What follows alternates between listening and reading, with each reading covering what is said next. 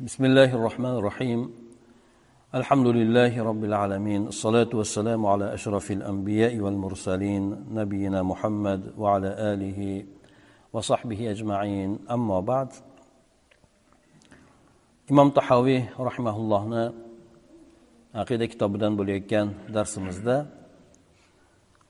o'ttiz to'rtinchi matnga kelib to'xtagan edik bundan oldingi matn haqida u kishi alloh taoloni kalomi borasida so'z yuritib albatta u alloh taoloni so'zlari ekanligi alloh taolo boshqa maxluqotlarni yaratgani kabi yaratmagan ekanligini bu kishi iqror etib o'tdilar. Ana endi undan keyin aytib o'tadiki bu kishi man vasafalloha bima'na min ma'anil bashar faqad kafar. Kimki alloh taoloni bironta bir sifatlarida qilayotgan ishlarida insonlarga xos bo'lgan sifatlar bilan sifatlangan desa bu odam kofir bo'ladi deb aytgan ekan. Demak alloh taoloni agar inson insonga yoki bir maxluqqa o'xshatadigan bo'lsa xosatan insonga o'xshatadigan bo'lsa bu narsada u kishi inson bunday holatda kofir bo'ladi deb aytgan ekan. Masalan alloh biz aytib o'tdik alloh taoloni qancha bir sifatlarini alloh taolo ko'radi dedik. Agar alloh taoloni ko'rishligini inson o'zini ko'rishligidek tasavvur qiladigan bo'lsa aynan shunday ko'radi deb e'tiqod qiladigan bo'lsa bu insonni bu boradagi e'tiqodi juda ham xato bo'ladida inson hattoki kofir bo'lishlik darajasigacha boradi deb aytadi. Demak alloh taoloni zoti o'zi yaratgan maxluqotlariga o'xshamagani kabi shu jumladan insonga ham o'xshamagani kabi demak alloh taoloni sifatlari ham qiladigan ishlari ham alloh taoloni o'ziga loyiqdir. Shuning uchun inson alloh taoloni bironta bir sifatini eshitgan paytida alloh taolo biladi desa inson darrov o'zini bilishligini tasavvur qilib alloh taolo shunday biladi deb o'ylab olmasin. Chunki alloh taoloni bilishligi bu inson yoki boshqa maxluqotlarni bilishligi kabi emas albatta. Alloh taolo uchun ilmni avvali hozirgi kuni kelajagi alloh taolo uchun farqi yo'q. Alloh taolo bir narsalarni bilishlik bilan ilmi ziyoda bo'lmaydi. Hamma narsani oldindan biladi. Lekin insonni esa bir narsani biladigan bo'lsa u boradagi ma'lumoti ziyoda bo'ladi. Avval bir narsani o'rganmagan bo'lsa keyin u narsani o'rganishlik bilan o'sha sifatni oladi. Alloh taoloda esa unday emas. Buni qayta qayta aytib o'tdik. Alloh taoloni sifatlari azaldan bor bo'lgan sifatlar alloh taolo hamma sifatlarni avvaldan ega alloh sifatlarga ega bo'lgan zotdir. bu kishi aytib o'tadilarki keyin man absar hada ya'tabar وعن مثل قول الكفار إن زجر علم أنه بصفاته ليس كالبشر ya'ni bu kishi ayni biz hozir aytib o'tgan sharhda aytib o'tgan narsalarni bu kishi bayon qilib aytadilarki kimki bu narsalarni anglasa ibrat oladi o'ziga ya'ni e'tibor qiladi inson sifatlarida qiladigan ishlarida alloh taoloni qiladigan ishlari butunlay o'ziga loyiq bo'ladigan ekanligini inson haqiqatdan biladigan bo'lsa buni agar insonga yoki boshqa maxluqqa o'xshatadigan bo'lsa inson hatto kofir darajasiga boradigan bo'lsa demak buni eshitgan odam albatta bundan ibrat oladi e'tibor qiladi bu narsani. O'shanday deb e'tiqod qilmaslikka to'g'ri e'tiqod qilishlikka harakat qiladi. Kofirlarni gaplaridan bu borada tiyiladi chunki kofirlarda alloh taoloni u darajada hurmat e'tibori qadri yo'qdir. Mana xristianlar bo'lsin iso alayhissalomni xudoni bolasi deb. Xudo deb qayerdan tug'ilishligiyu nima narsalarni iste'mol qilishligi ya'ni xudo to'g'risidagi tasavvuri judayam sayoz bo'lgan hatto insonlarni tasavvurini o'zini tasavvuriga yaqin bo'lgan holatda bular tasavvur qilishgan. Boshqalarda mushriklarda ham shu. Farishtalarni ollohni qizlari deyishgan. Ya'ni insonlarni o'ziga o'xshatib bolasi bo'ladi deb e'tiqod qilishganda. Ana o'shandek demak alloh taolo qur'oni karimda alloh taoloni qadrini bilishmadi ular. Alloh taoloni qanday buyuk zot ekanligini bular hatto hayoliga ham keltirishmayapti degan mazmunda alloh taolo aytib o'tadi. Shuning uchun boshqa millatlar boshqa dindagilar alloh taoloni u qadar darajada ulug'lanmaydi ulug'lamaydi ham. Ha mana xristianlarni kitoblarida tavro injillar injilda bor deb aytishadi. ya'ni alloh taolo kurashganligi kurashda yengilganligi shu haqlarda ham aytishadi ya'ni bu ilohga loyiq bo'lmagan narsalarni ular o'zlarini kitoblarida bitishgan yana undan tashqari imom tahoviy rahimaulloh davom etib aqidalarida aytadilarki ورؤية حق لأهل الجنة بغير إحاطة ولا كيفية كما نطق به كتاب ربنا وجوه يومئذ ناظرة إلى ربها ناظرة ya'ni jannat ahllari jannatga kirgandan keyin alloh taoloni ko'rishadi shuni e'tiqod qilamiz jannat ahllari jannatga kirib o'rnashib bo'lgandan keyin alloh taolo ularni o'ziga chorlaydi yana ziyoda qilib berishligimni sizlarga xohlaysizlarmi deydi jannat ahllari esa parvardigor olam bizni do'zaxdan qutqarding jannatga kiritding yuzlarimizni yorug' qilib qo'yding shuncha ne'matlarni berib qo'yding. Yana nima ziyoda bo'lishligi mumkin? Yana nima ziyoda bo'lishligi mumkin deb alloh taolo aytadi. Shunda parda ko'tariladi. Alloh taoloni yuzini oldi alloh taoloni oldida parda bo'ladi. Chunki mana hadisda keladi payg'ambar sallallohu alayhi vasallam merojga chiqqan paytlarida alloh taoloni o'zini ko'rmaganliginiyu hamda alloh taoloni o'sha oldini parda o'raganligi parda turganligi. Agar parda ko'tariladigan bo'lsa alloh taoloni nuri yetadigan joygacha hamma narsani kuydirib yo'q qilib tashlaydigan darajada alloh taolo nuri bor deydi. O'shanday parda ko'tariladida jannat ahllariga alloh taoloni ko'rishlikka imkon beriladi. Ularda o'shanga yarasha qobillik o'shanga yarasha imkoniyatni o'shanga yarasha xususiyatni alloh taolo ularga beradi. Shundan jannat ahllari alloh taoloni yuziga qarashadi. Mana qur'oni karimda ham aytadiki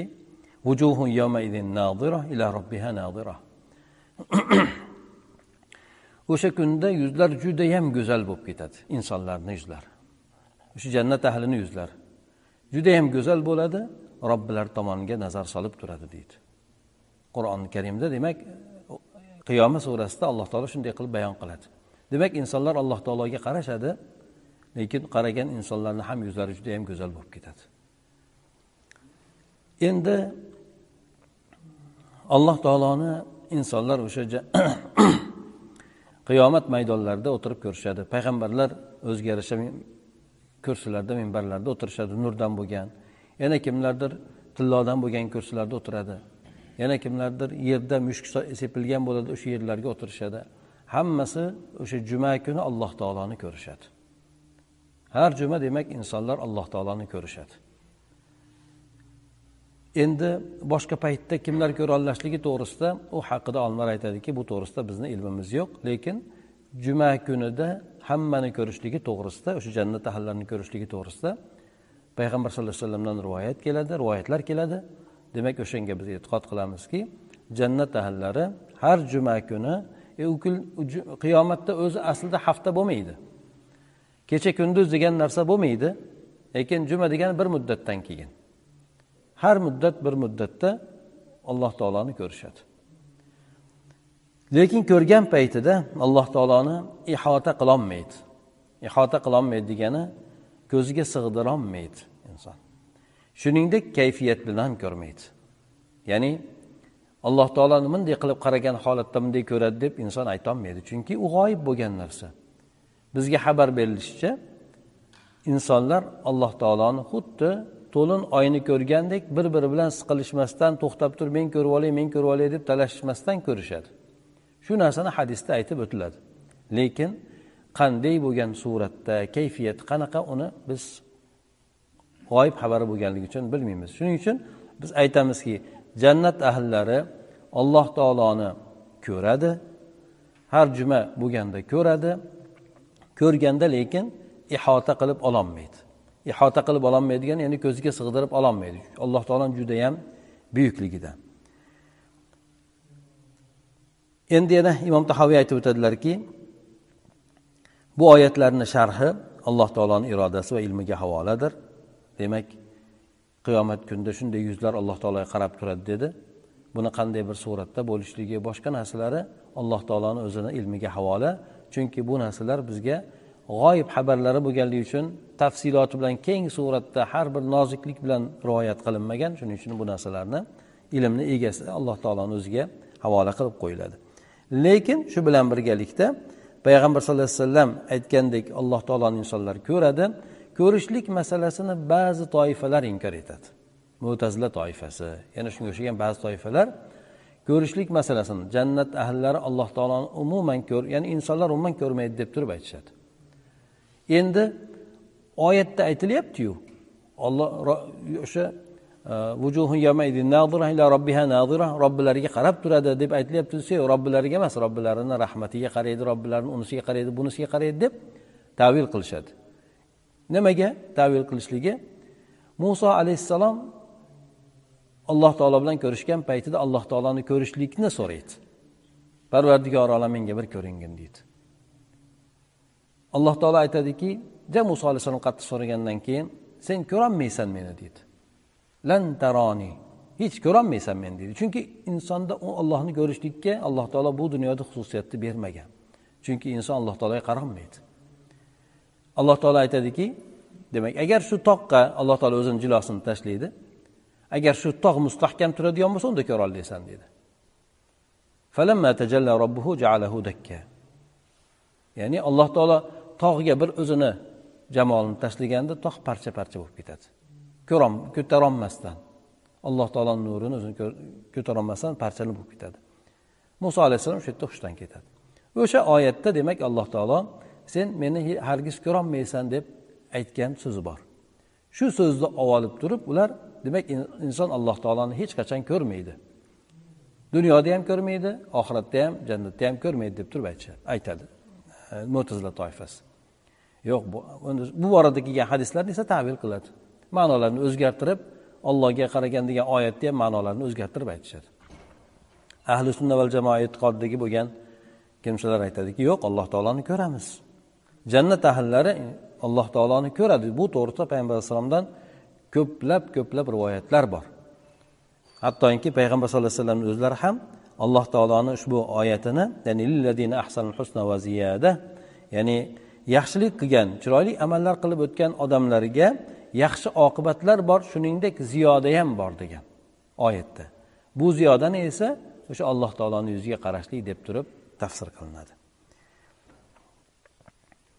Ana o'shandan biz e'tiqod qilamiz ekanki jannat ahllari jannatda alloh taoloni ko'rishadi lekin ko'rishlik kayfiyati alloh taoloni o'ziga ma'lum.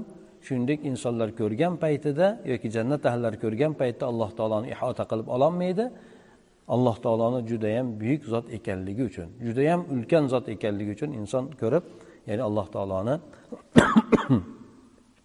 to'liq o'ziga yoki ko'ziga sig'dira olmaydi. Demak biz bu borada qiladigan narsamiz taslim bo'lishlik bo'ladi. Demak o'zi aslida bu kishi o'ttiz oltinchi matnda aytib o'tadilarki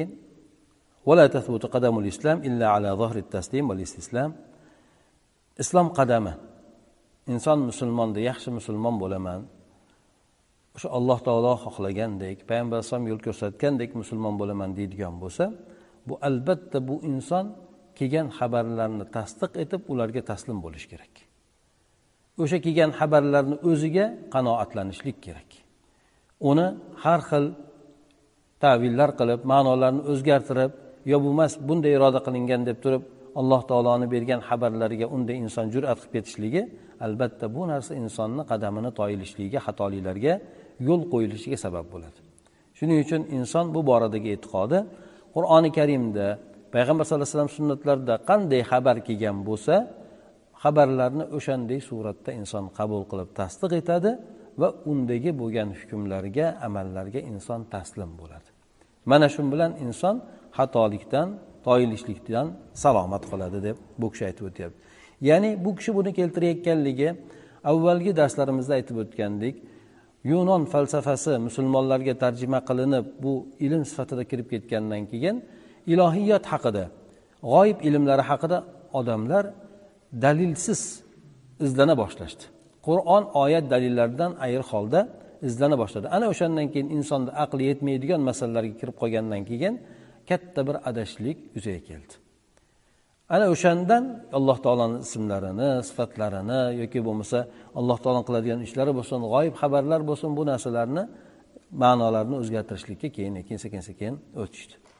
Mo'tazila demak alloh taoloni so'zlashini inkor etgan bo'lsa jannat ahllari jannatga kirishlikni jannatga kirgandan keyin alloh taoloni ko'rishlikni inkor etgan bo'lsa yana undan tashqari qabr azobi bo'lsin boshqa boshqa ancha narsalarni inkor etishligini sababi ulardagi paydo bo'lib qolgan shubhalar sabablik.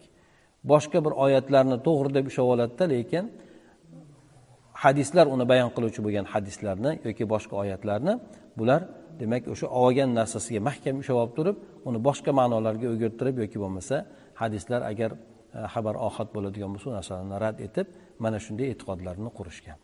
O'sha narsalardan inson ehtiyot bo'lishligi uchun aytib o'tganimizdek bu kishi mana bu nimada aytib o'tyapti.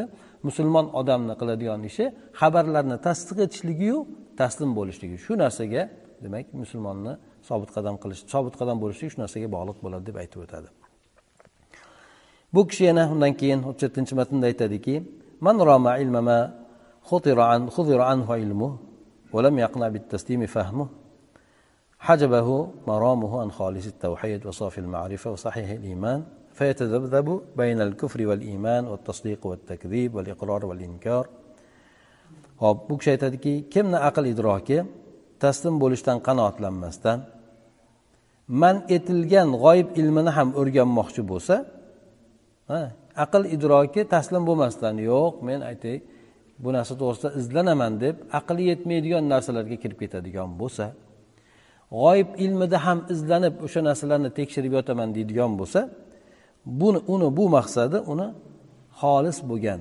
tavhiddan sof bo'lgan ma'rifatdan bilimdan iymonni sog'lom bo'lishligidan to'sib qo'yadi deydi. Haqiqatdan inson aql bilan g'oyib narsasiga kirishligi chunki aytib o'tdik biz inson aql qilishligi tafakkur qilishligi ko'rgan bilgan narsalari haqida tafakkur qiladi.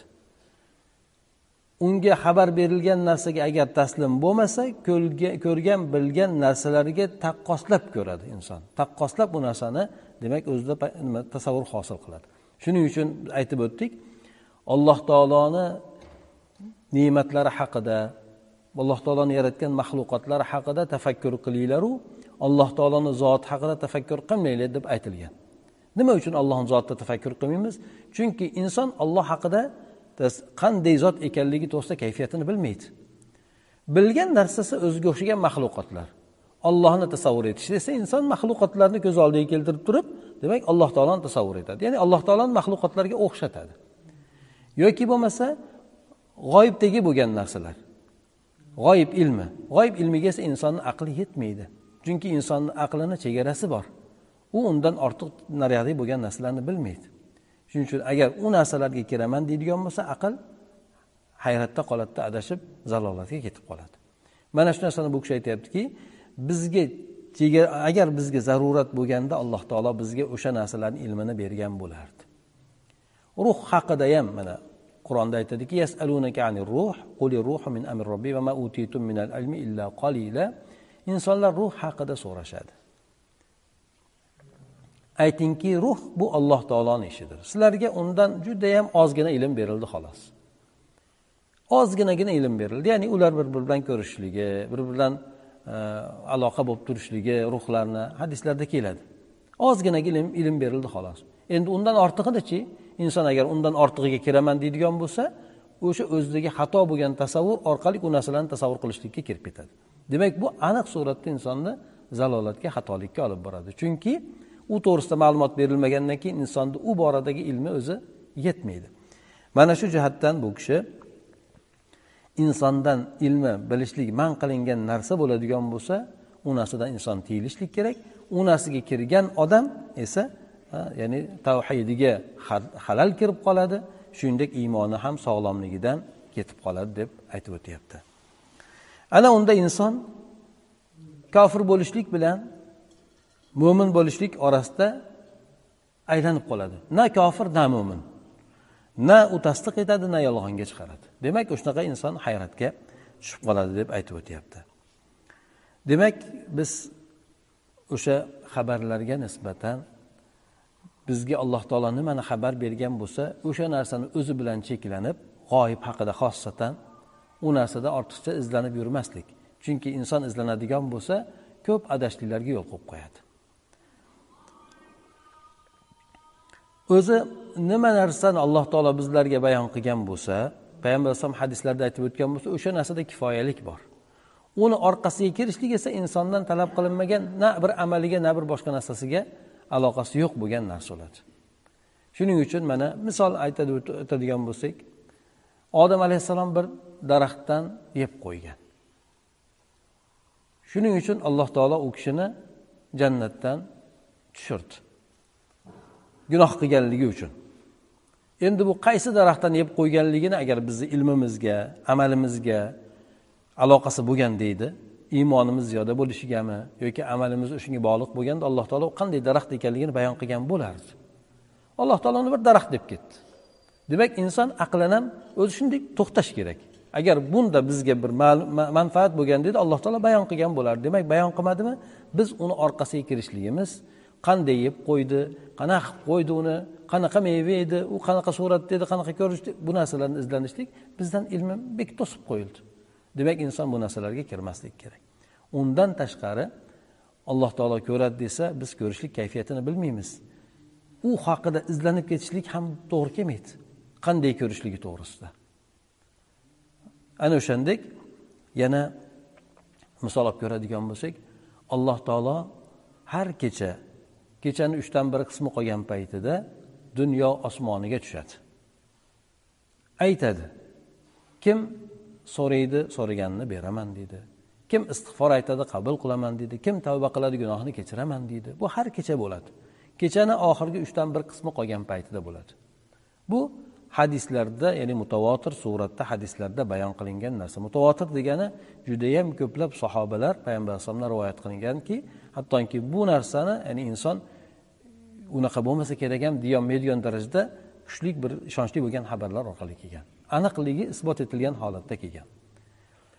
Endi inson buni nima qiladi? Tasdiq etadi. Tasdiq etmasa adashadi. Aqlini bu narsaga kirgizaman desa inson o'ziga o'zi bir hayratni tortib oladi. O'ziga o'zi o'sha narsani borib borib turib yo o'zgartirishlik yoki inkor etishlikka boradigan narsaga to'xtab qoladi inson. Masalan aytaylik olib ko'radigan bo'lsak alloh taolo demak dunyo osmoniga har ko'chani uchdan bir qismi qolganda tushadi dedik. Aql agar bu narsaga aqlni o'zini kirgizib yuboradigan bo'lsak ha ya'ni olib ko'rsak yer yuzi tumaloq masalan avval shaklda deb aytadigan bo'lsak ho'p uchdan bir qismi endi bu yerda bo'lgan bo'lsa birozdan keyin bu yerda bo'ladi birozdan keyin bu yerda bo'ladi demak aylanib turadi uchdan bir qismi. Tushuvchi bo'lgan zot aylanib turishi kerak. Ha? Masalan amerikada hozir masalan o'tib ketgan bo'lsa kechani uchdan bir qismi boshqa joyda kechani uchdan bir qismi. Endi bu aylanib aylanib turib yana bir necha qancha soatdan keyin amerikada ham uchdan bir qism bo'ladi. Demak aylanib aylanib turaveradi ya'ni doim tushib turaveradi degan tasavvuri keladi inson. Alloh taolo dunyo osmoniga tushadigan bo'lsa arshda kim qoladi? Alloh taolo shunday buyuk zot bo'lgan bo'lsa dunyo osmoniga qanaqa qilib tushadi? Demak bu aqlni nima qiladigan o'rinlar kiradigan o'rinlar. Bu nimaga olib boradi? Inson o'sha e'tiqod qilish kerak bo'lgan narsada o'zida bir shubhalanish paydo bo'lishiga olib boradi. Ya'ni aql bilan nima qilgandan keyin inson uni tasavvur qilolmaydida oxiri nima qiladi? Ba'zilarga o'xshab turib yo'q alloh taolo o'zi tushmaydida balki alloh taoloni rahmati tushadi deydi. Demak inson aql bilan kirgandan keyin alloh taoloni tushishligini inkor etdida balki uni boshqa ma'noga o'zgartirdida alloh taolo emas balki alloh taoloni rahmati tushadi deydi. Mana bunday demak inson aql bilan kirgandan keyin adashadi. Sababi bu narsa xabarda sahih suratda keldimi inson inkor etmaydigan darajadagi kuchli bo'lgan dalillar bilan keldimi inson bu narsani tekshirib yotmaydi. Ya'ni alloh taolo kechani uchdan bir qismi qolgan paytda dunyo osmoniga tushadi. Qanday tushadi? Bizga ilmi aytilmadi. Chunki biz alloh taoloni tushishligini insonni tushishligidek tasavvur qilamizda keyin keyin yo'q tushishligi bo'lmaydi unda tushadigan bo'lsa arshda kim qoladi deb aytadi yo'q biz o'zi aslida alloh taolo demak tushadi degan bo'lsa tushadi deb qabul qilishimiz kerak. Uni tushishligini biz maxluqotga ya'ni inson yoki boshqa maxluqotlarga o'xshatadigan bo'lsak unda alloh taoloni o'zini boshqa maxluqotga o'xshatib qo'ygan bo'lamiz. Shundan demak bu narsani ilmiga aqlimiz yetmaydimi? Olloh kayfiyatini alloh taoloni o'ziga topshirib qo'ysa inson salomat bo'ladi. E'tiqodida ham salomat bo'ladi ya'ni kufr bilan iymonni o'rtasida gandiraklab yurmaydi ham. Shuning uchun bizni aqlimiz yetmaydigan narsalar bo'ladigan bo'lsa bu narsani ilmini alloh taoloni o'ziga havola qilinadida u haqida kelgan xabarlar sahih bo'ladigan bo'lsa shu narsalarni tasdiq etishlik bilan inson xotirjam bo'ladi. Mana shu narsani aynan bizdan e'tiqod borasida talab qilinadi. Shuning uchun oyatda keladiki siz ilmingiz bo'lmagan narsada gapiravermang. Ilmingiz yo'q bo'lgan narsada to'xtang gapiravermang u narsada. Chunki insonni eshitishi ham ko'rishi ham qalbi ham qiyomat kunida bu haqida so'raladi deb aytib o'tadi. Demak inson ma'lumot oladigan insonni manbalari ma'lumot kiradigani quloqdan kiradi eshitish orqali ko'rish orqali hamda qalb tafakkur qilish orqali kiradi shu uchalasida demak inson ma'lumoti bo'lmagan narsa o'ladigan bo'lsa unda to'xtash kerak chunki bilmagan narsasini gapiraverishlik insonga qiyomat kuni javobgarligini berib qo'yadi deb aytib o'tyapti. shuning uchun imom tahoviy rahmaulloh bu yerda aytyaptiki insonlar alloh taoloni qiyomat kunida e, ya'ni jannatda ahli jannat ko'radi deb e'tiqod qilishlik shunga ishonishlik albatta bizga o'sha payg'ambar sallallohu alayhi vasallam bayon qilgan suratdagina xabarlari kelgan suratni tasdiq etgangina holatda demak iymon keltirishligimiz lozim bo'ladi. U narsalarda shubhaga borishlik bo'lsin ma'nolarni boshqa narsaga o'girib yuborishlik bo'lsin bu narsalarda insonni iymoni agar shunday qiladigan bo'lsa iymoni durust bo'lmaydi deb aytib o'tyapti. Demak alloh taoloni o'zini ko'radi deganda ba'zi toifalar alloh taoloni o'zini emas balki alloh taoloni rahmatini ko'radi alloh taoloni farishtasini ko'radi alloh taolo unisini ko'radi bunisini ko'radi deb aytadi. Sababi haligi aytib o'tganimiz bir joyda mahkam bitta narsani ushlab oladida o'shanga qarab turib keyin boshqa oyatlar keladigan bo'lsa u narsalarni tavil qiladi hadislar keladigan bo'lsa rad etadi. Mo'tazila toifasini aytib o'tdik. U alloh taolo muso alayhissalomga ko'rolmas deganini demak dunyoda emas balki umuman mutlaq suratda ko'rolmas deganlar tushuncha bilan oldida jannatda ko'radiyu deganda mana hadislar aytib turibdi desa yo'q bu yerda alloh taolo ko'rmaysan ko'rolmaysan degan. Shuning uchun u hadislarni olmaymiz deydi. Boshqa oyatda mana robbisiga qarab turibdi degan desa yo'q robbisiga qarab turibdi deganda robbisiga emas balki robbisini ne'matiga qarab turibdi farishtasiga qarab turibdi rahmatiga qarab turibdi boshqa narsa deb tavil qilishadi. Ana o'shandek demak bular e'tiqod qiladi. Shunday iymon keltiradi. Demak unday iymon keltiradigan bo'lsa insonni iymoni sog'lom bo'lmaydi. Bu kishi ayni mana shu narsani demak bu yerda aytib o'tyapti. Biz g'oyib haqida biron xabar keladigan bo'lsa u narsani o'shanday bo'yicha tasdiq etishligimiz lozim bo'ladi deb ishora qilib o'tyapti bu kishi. Bu bitta nafaqat ko'rish masalasida balki boshqa masalalarda ham xuddi shuningdek alloh taoloni o'ziga aloqador bo'lgan sifatlariga ishlariga aloqador bo'lgan xabarlarni bizga nima xabar berilgan bo'lsa o'shani shundayligicha tasdiqlashligimiz bu ahli sunna val jamoatni e'tiqodi bo'ladi.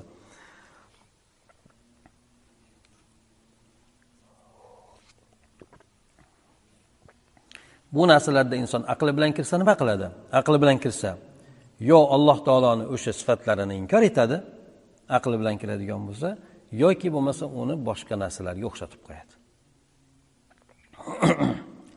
Tush deganda demak insonni tushidek tasavvur qilgandek yoki bo'lmasa alloh taologa insonlar ko'rinadi alloh taolo insonlar ko'radi desa bu narsani inkor etadigan bo'lib qoladi. Yana bu kishi imom tahaviy rahmaulloh aytib o'tadilarki alloh taolo chegara hududlardan g'oya maqsadlardan arkanlardan hamda boshqa har xil asboblardan ya'ni ularga muhtoj bo'lishdan oliydir va uni boshqa maxluqlarni o'rab turgani kabi olti taraf o'rab turmaydi deb aytib o'tyapti. Ya'ni alloh taoloni buyukligi haqida bizlarga aytib o'tadiki insonni inson bo'lsin yoki bo'lmasa masjidni olib ko'radigan bo'lsak masjid olti tarafdan o'ralib turadi. O'ng tomon chap tomondan oldi orqadan tepadan hamda past tarafdan. Insonni ham xuddi shuningdek olti taraf o'rab turadi. Insonni oldi tarafi orqa taraf bor o'ng chap taraf bor shuningdek tepa tarafiyu past taraf. Shu oltita tomon hamma tomondan demak bizni yo havo o'rab turadi yo mana aytaylik masjid o'rab turadi bu yerda turgan bo'lsak. Bizni to'liq suratda masjid ostimizdan ham ya'ni yon tarafimizdan ham tepadan hamma tomondan masjid o'rab turadi. Bu maxluqqa nisbatan. Lekin alloh taolonichi alloh taoloni unday emas. Alloh taolo buyukligidan alloh taoloni atrofidan narsa o'rab turmaydi. O'ng taraf bo'lsin chap taraf bo'lsin tepa past bo'lsin oldi orqa bo'lsin alloh taoloni u oltita taraf o'rab turmaydi. Nimaga? Chunki alloh taolo bu narsalardan oliydir. Bu maxluqotlarga nisbatan ishlatiladi. Maxluqotlarga nisbatan demak o'ng tarafi chap taraf bu hammasi atrofdan o'rab turadi deb aytiladi. Mana shu narsani ham demak bu kishi aytib o'tyaptilarki alloh taoloni ya'ni biz ko'z ham ilg'ab ololmaydi deb aytib o'tdik. Ko'rganda ko'z sig'dirolmaydi ihota qilolmaydi dedik. Xuddi shuningdek tomonlar ham alloh taoloni ihota qilolmaydi. Alloh taoloni tepasi pasti o'ng tarafdagi chap tarafdagi boshqa joydagi bo'sh joylari yo'q. Ya'ni alohida turgan ya'ni alloh taolodan u nima degani? U degani ollohdan ko'ra buyukroq narsa bor degani bo'ladi. Tasavvur qilib ko'ringlar mana aytaylik. Masjid bo'ladigan bo'lsa masjid har qancha katta bo'lgan taqdirda ham yoki yerni olib ko'radigan bo'lsak yerni biz buyuk katta deymiz lekin yerni atrofini o'rab turadigan narsa bor. Birinchidan bo'shliq bor undan keyin atrofda har xil planetalar bor. Demak yerdan katta narsa bor. Biz agar alloh taoloni buyuk zot desak eng buyuk bo'lgan zot desak demak alloh taoloni atrofini o'rab turadigan narsani o'zi bo'lmaydi. Agar bo'lsa u alloh taolodan ko'ra kattaroq bo'ladi. Garchi u bo'shliq bo'lsa ham. Shuning uchun bu kishi biz kayfiyatini tasavvur qilolmaymiz shuning uchun bu narsani tasdiq etamiz. Alloh taoloni eng buyuk bo'lgan zot dedikmi? Demak alloh taoloni o'rab turuvchi narsani o'zi yo'q. Agar o'rab turuvchi narsa bo'lsa u narsa alloh taolodan buyuk bo'lib qoladi.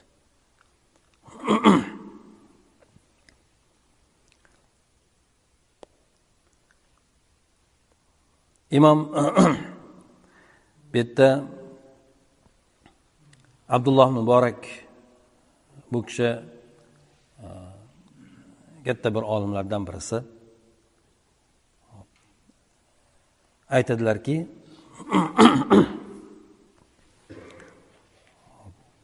ya'ni abu hanifani majlislarda o'tirgan shuningdek abdulloh muborak bir yil jihod qilishligu bir yil tijorat qilishlik katta boy bo'lgan hamda tijorat qilishlik shunaqa narsalar bilan juda u kishi mashhur bo'lgan. Ham bir tomondan olim bo'lgan bir tomondan boy tojir bo'lgan ikkinchi boshqa bir tomondan kuchli bo'lgan shu shijoatli mujohid bo'lgan hamma tomondan alloh taolo bu kishiga bergan. Shu kishi e, mana shu narsa e'tiqod borasida ba'zi masalalar aytib o'tadiki bu kishidan so'ralgan ekan robbimizni nima bilan taniymiz? Alloh taoloni nima bilan taniymiz deganda bu kishi aytgan ekanlar alloh taolo arshni ustida yaralmishlardan ajralgan deb javob bergan ekan. Maxluqotlardan ajralgan arshni ustida deb aytgan. Ya'ni bu dunyoni ichida emas. Alloh taolo. Bu dunyodan ajralgan arshni ustida deb aytgan ekan. Abu hanifa rahimaulloh fiqhul akbarda fiqhul akbar degan e, kitob bor. Abu hanifa rahimaullohni e'tiqod borasidagi kitobi. Bu kishi aytadilarki deydi bitta keltirib o'tadi. Alloh taolo qur'onda o'zini sifatlab aytgan edik alloh taoloni qo'li bor yuzi bor hamda alloh taoloni nafsi bor. Alloh taoloni qo'li borligi ko'plab oyatlarda ham keladi. Ya'ni iblisni aytgan paytda men uni ikki qo'lim bilan yaratdim deb aytadi. Nima uchun men ikki qo'lim bilan yaratgan zotga ya'ni odam alayhissalomga sen sajda qilmading deb turib iblisga aytadi. Yana undan tashqari hadislarda ham boshqa oyatlarda ham keladi. Alloh taolo ikkala qo'li ham o'ng qo'l deb turib payg'ambar alayhisalom aytadilar. Alloh taoloni aytaylik jannat o'sha firdavs adin jannatini alloh taolo qo'li bilan yaratganligini aytib o'tadi. Demak alloh taoloni qo'li borligi oyatlarda hadislarda bor. Bu kishi ham aytib o'tyapti. Shuningdek alloh taoloni yuzi bor. Yuz deganda darrov insonni yuzini tasavvur qilib olmaylik. Alloh taoloni yuzi o'ziga yarasha qo'li o'ziga yarasha. Lekin bu narsada alloh taolo bizlarga xabar bergan. Shuning uchun ollohni yuzini istab degan narsa ko'p keladi. Alloh taoloni yuzi degan nima? Oyatlarda ham ko'p keladi hadislarda ham ko'p keladi. Shuningdek alloh taolo nafs bor deb aytib o'tyapti. Bu kishi nafs deganda insonni nafsini tushunib olmaylik. Ya'ni havoyi nafsimiz yoki boshqa. Nimada? Iso alayhissalomda keladi. Sen meni nafsimdek bo'lgan narsani bilasan men seni nafsingdek bo'lgan narsani bilmayman deb oyatda keladi. Shuning uchun abu hanifa rahimalloh bu narsalar alloh taoloda bor. Bular u zotni sifatlari bo'lib qanaqaligini maxluqotlar bilishmaydi. Alloh taoloni bunaqa sifatlari bor bayon qilgan lekin maxluqotlar bu narsa haqida bilishmaydi deydi. Alloh taoloni qo'li deganda uni qudrati ne'mati deyilmaydi.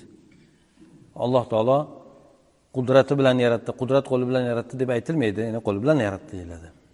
Chunki bunday deyilishda alloh taoloni sifatini yo'qqa chiqarilgan bo'ladi deb aytib qo'ygan ekan. Demak bizga qanaqa narsa kelsa u narsani tashbih etmasdan boshqa narsalarga o'xshatmasdan shunday bo'yicha qabul qilishligimizni aytib o'tyapti. Yana aytib o'tganimizdek demak alloh taoloni atrofini o'rab turuvchi bo'lgan narsani o'zi yo'q chunki alloh taolo hamma narsadan buyukdir. Undan keyin imom tahaviy rahmaulloh bizlarga meroj haqida aytib o'tadilar. Meroj bilasizlar payg'ambar sallallohu alayhi vasallam shunday bir qiyin bir holatga tushib qoladi. Bir tomondan amakilari vafot etadi. Abu tolib ikkinchi tomondan hadicha onamiz vafot etadi bir yilni o'zida. Ikkita himoyachisidan ikkita suyanchig'idan payg'ambar sallallohu alayhi vasallam ayriladi.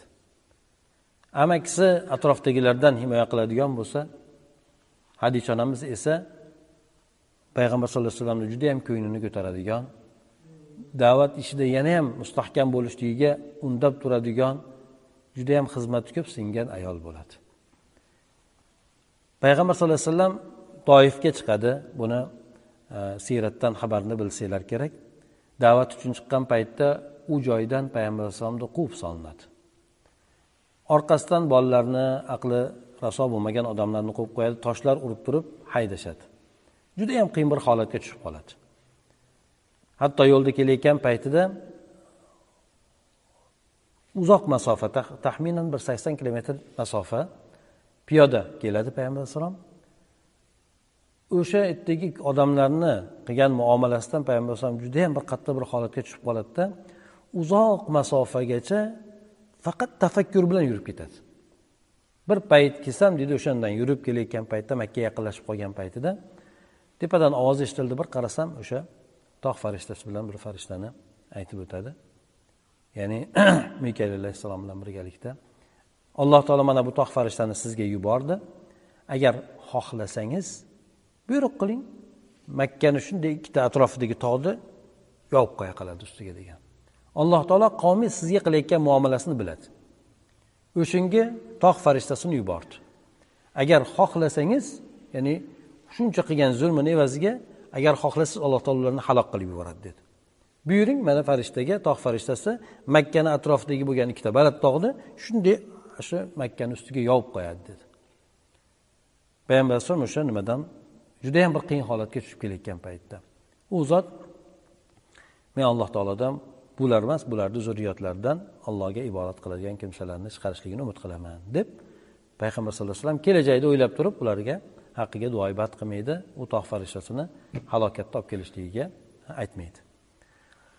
O'shanda judayam bir qiyin holatga tushib qolgan paytida insonlar payg'ambar alayhisalomni qadrini bilmagan u kishini qanday zot ekanligini tasavvur qilmagan aksincha zulm ustiga zulm haqorat tahqirlash ustiga tahqirlash haqorat ustiga haqorat qilishga paytida alloh taolo payg'ambar sallallohu alayhi vasallamni dunyodan yuqoriga ko'taradi.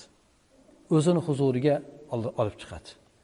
Payg'ambar sallallohu alayhi vasallamni yer ahli hurmatini qilmayotgan bo'lsa u zotni osmon ahlini o'rtasidagi bo'lgan hurmatini alloh taologa ko'rsatib qo'ymoqchi bo'ladi. Ana o'shandan bir kuni payg'ambar sallallohu alayhi vasallam kabada o'sha hijrda hijr degani hijr ismoil kabani yanadagi bo'lgan kichkinagina oy shaklidagi bo'lgan joyni ichida yotgan paytlarida aytadilar ya'ni uyqu aralash yotgan paytida. Uxlab uxlamagan uyg'oq bo'lib uyg'oq bo'lmagan shunday yotib turgan paytlarida jibril alayhissalom kelib u kishini demak qornidan ko'kragidan yorib chiqarib o'sha joyni nimasini qalbini chiqarib yuvib hikmat bilan to'ldirib keyin keyin birgalikda u kishini baytul maqdisga u yerdan esa osmonga ko'tarib olib ketadi. Baytul maqdisga boradi. Undan keyin u yerdan to'g'ri chiqib osmon osha ko'tariladi. Ular buroq degan e, otda bo'ladi. Bunday ulov otga o'xshagan bir nimada bo'ladi? E, ulovda bo'ladi. U shunday bo'ladiki ko'zi yetgan joyga qadami ko'zi yetgan joyga tashlaydigan bo'ladi.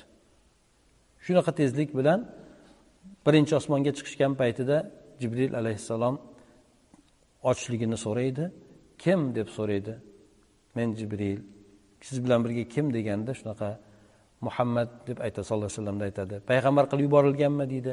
Ha o'sha payg'ambar qilib yuborilgan deydi. Keyin keyin ochadi. Eshik birinchi osmon ochilgandan keyin u yerda payg'ambar sallallohu alayhi vasallam odam alayhissalomni ko'radi. Odam alayhissalomni ko'radi birinchi osmonda.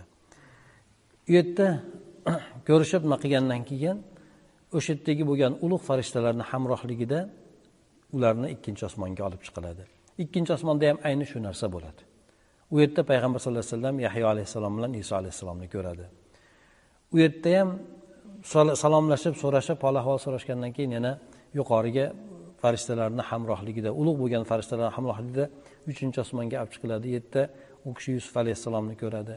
To'rtinchi osmonda idris alayhissalomni ko'radi. Beshinchi osmonga chiqilgan paytda horun alayhissalom oltinchi osmonda muso alayhissalomni ko'radi. Yettinchi muso alayhissalomni demak yig'lashligi bor bu yerda sababini so'ragan paytda mendan yoshi kichkina bo'lgan e, yigitu lekin buni ummatidan meni ummatimdan ko'ra ko'proq odam kirar ekan jannatga deb turib u kishi shunday deb aytadi. Undan keyin yettinchi osmonga chiqilgan paytida u yerda ibrohim alayhissalomni ko'radi. Bu yerda osmonlarda har bittasini olib chiqishlikka ruxsat so'raladi. Kimligini so'ralgandan keyin bu e, jibril alayhissalom o'zlarini aytadi. Birgalikda muhammad sallallohu alayhi vasallam borligini aytadi. O'sha payg'ambar qilib yuborilganmi deganda ha payg'ambar qilib yuborilgan deb aytgandan keyin ochiladi u yerda. Demak payg'ambar alayhissalom bir qancha payg'ambarlarni ko'radi. Ana o'shandan keyin yettinchi osmonga chiqqan paytida demak e, nimani e, ibrohim alayhissalomni ko'radi. Bu yerda payg'ambar sallallohu alayhi vasallamga bir mana ibrohim alayhissalomni oldiga chiqqanlik holatida aytib o'tadiki ibrohim alayhissalom marhabo deb kutib oladi. E, Qandayyam bir yaxshi keldingiz? deydi. Keyin keyin e, u yerda baytul ma'murni ko'radi payg'ambar alayhissalom baytul ma'mur bu farishtalarni kabasi deb tushunsak bo'ladi. Farishtalarni kabasi deb. U yerda farishtalar ibodat qiladigan tavof qiladigan joyi. O'sha yerga ibrohim alayhissalom aytadi demak xabar berib bu yerda demak har kuni yetmish ming farishta bu yerga kirib o'sha ibodatini qilib tavofini qiladida. Ularni navbati oxirgi nima qiyomatgacha qaytib kelmaydi degan mazmunda aytib o'tadi. Ya'ni bu judayam ko'plab farishtalar bor ekanligini bildiradi. Farishtalar bir shu bir kun kirganda yetmish ming kirib ularda navbati aylanib ya'ni navbat bilan qilganda oxirgi nimasiga kelmaydi. Qiyomatgacha ularni navbati kelmaydi deb ham bir haqiqatdan alloh taoloni maxluqotlari farishtalari judayam ko'p. Bu payg'ambar alayhisalom bir hadislarda aytib o'tadi osmon ingradi deydi. Ingrashi haligi yukni og'irligidan tuya ingragani kabi ingrashligini aytganda haqiqatdan ingrashlik unga haq bo'lgan chunki yer bilan osmonni o'rtasida bir to'rt ellik yo'qki joy yo'qki u yerda bir farishta yo alloh taologa sajda qilib turadi yo ruku qilib turadi yoki bo'lmasa turib ibodat qilgan holatda deb payg'ambar alayhisalom aytib o'tganlar. Demak farishtalar judayam ko'p. O'shani baytul ma'murni payg'ambar alayhisalomga ko'rsatiladi. U joyda esa shu payg'ambar sallallohu alayhi vasallam ibrohim alayhissalom bilan biroz suhbatlashgan bo'ladi suhbatlashgani boshqa hadislarda keladi. Keyin payg'ambar sallallohu alayhi vasallamga taqdim etiladi. May taqdim etiladi. Sut va asal taqdim etiladi. Tanlang deydi. Payg'ambar alayhissalom esa sutni tanlaydi sutni tanlaganda siz fitratni tanladingiz bu fitrat ya'ni sog'lom fitratni tanladingiz ya'ni mayni tanlamaydi asalni tanlamaydi balki sutni tanlaydi bu siz fitratni tanladingiz shu narsa sizgayu ummatingizga bo'lsin deb aytiladi. U yerda payg'ambar sallallohu alayhi vasallam keyin sidratul muntahoni ko'radi. Ya'ni bir sidratul muntahoga borgan paytida o'sha yettinchi osmondan yuqorida u insoniyat yoki maxluqotlar yetib borishi mumkin bo'lgan eng oliy nuqta bo'ladi. Jibril alayhissalomni o'sha joyda payg'ambar sallallohu alayhi vasallam o'zini suratida ko'radi.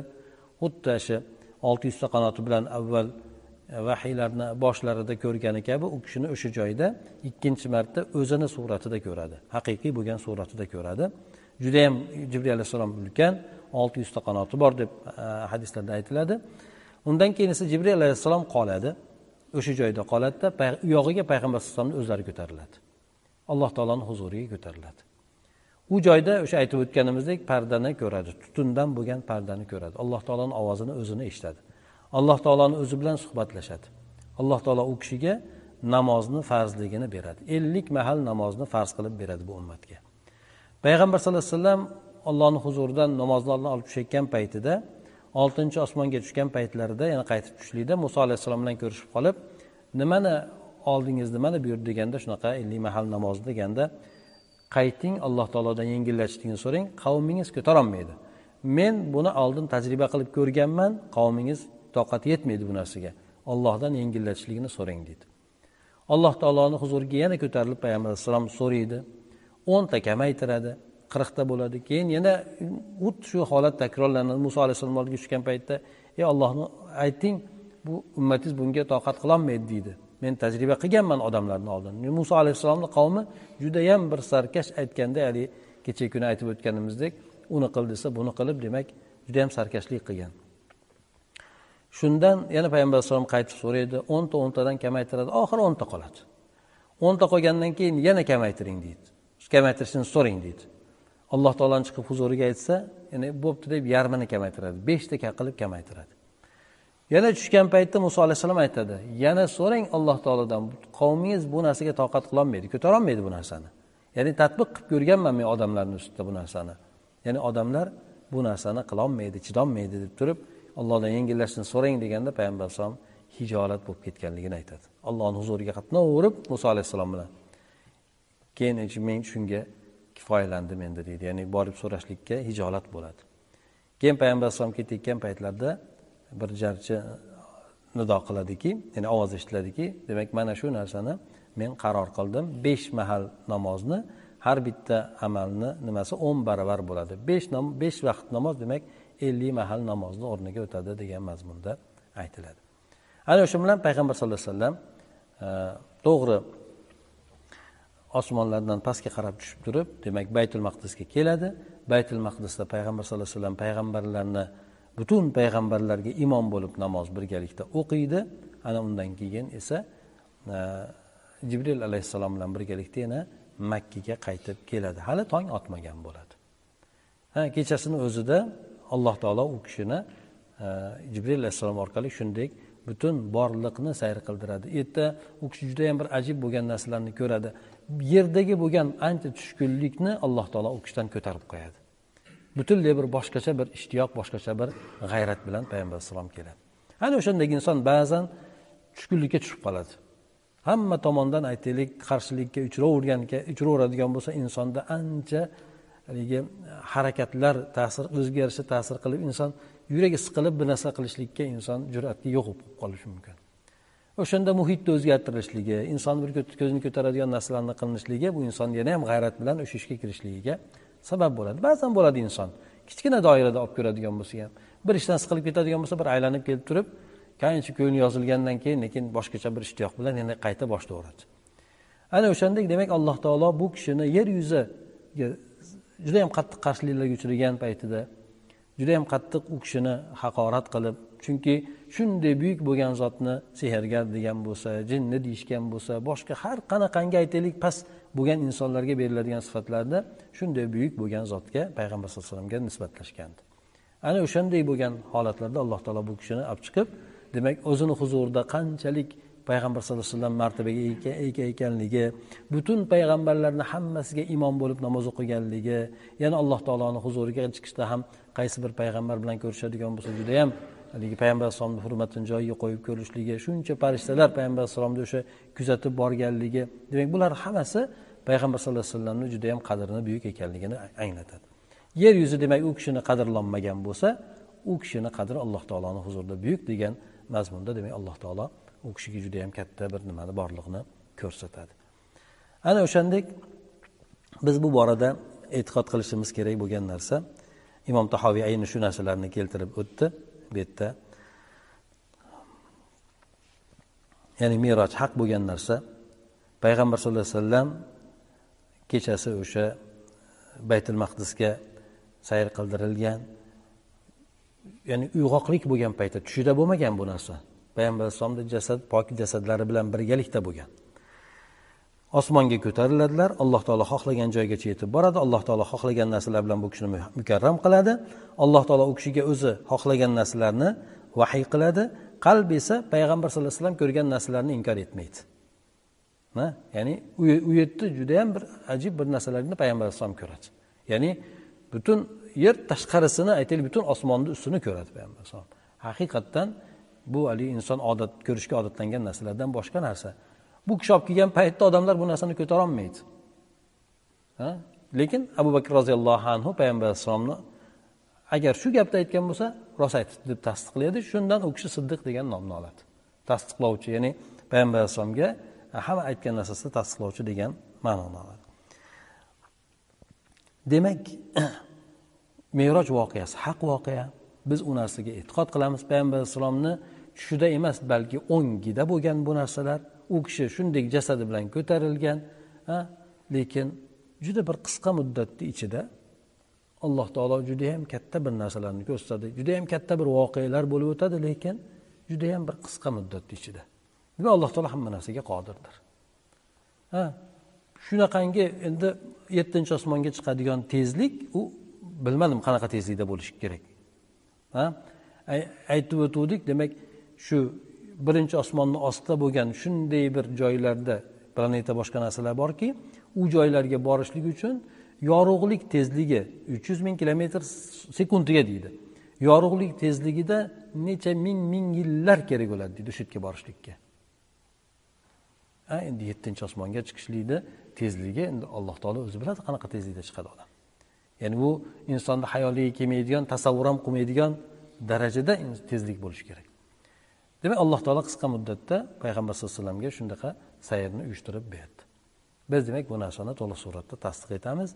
Undan keyin payg'ambar sallallohu alayhi vasallam olimlar aytadiki ikkinchi merojga chiqishligi bor bu narsa tushida bo'lgan. U yerda keyin keyin payg'ambar alayhissalom ko'radi jibril alayhissalom bilan birgalikda tushi ham payg'ambarlarniki haq bo'ladi.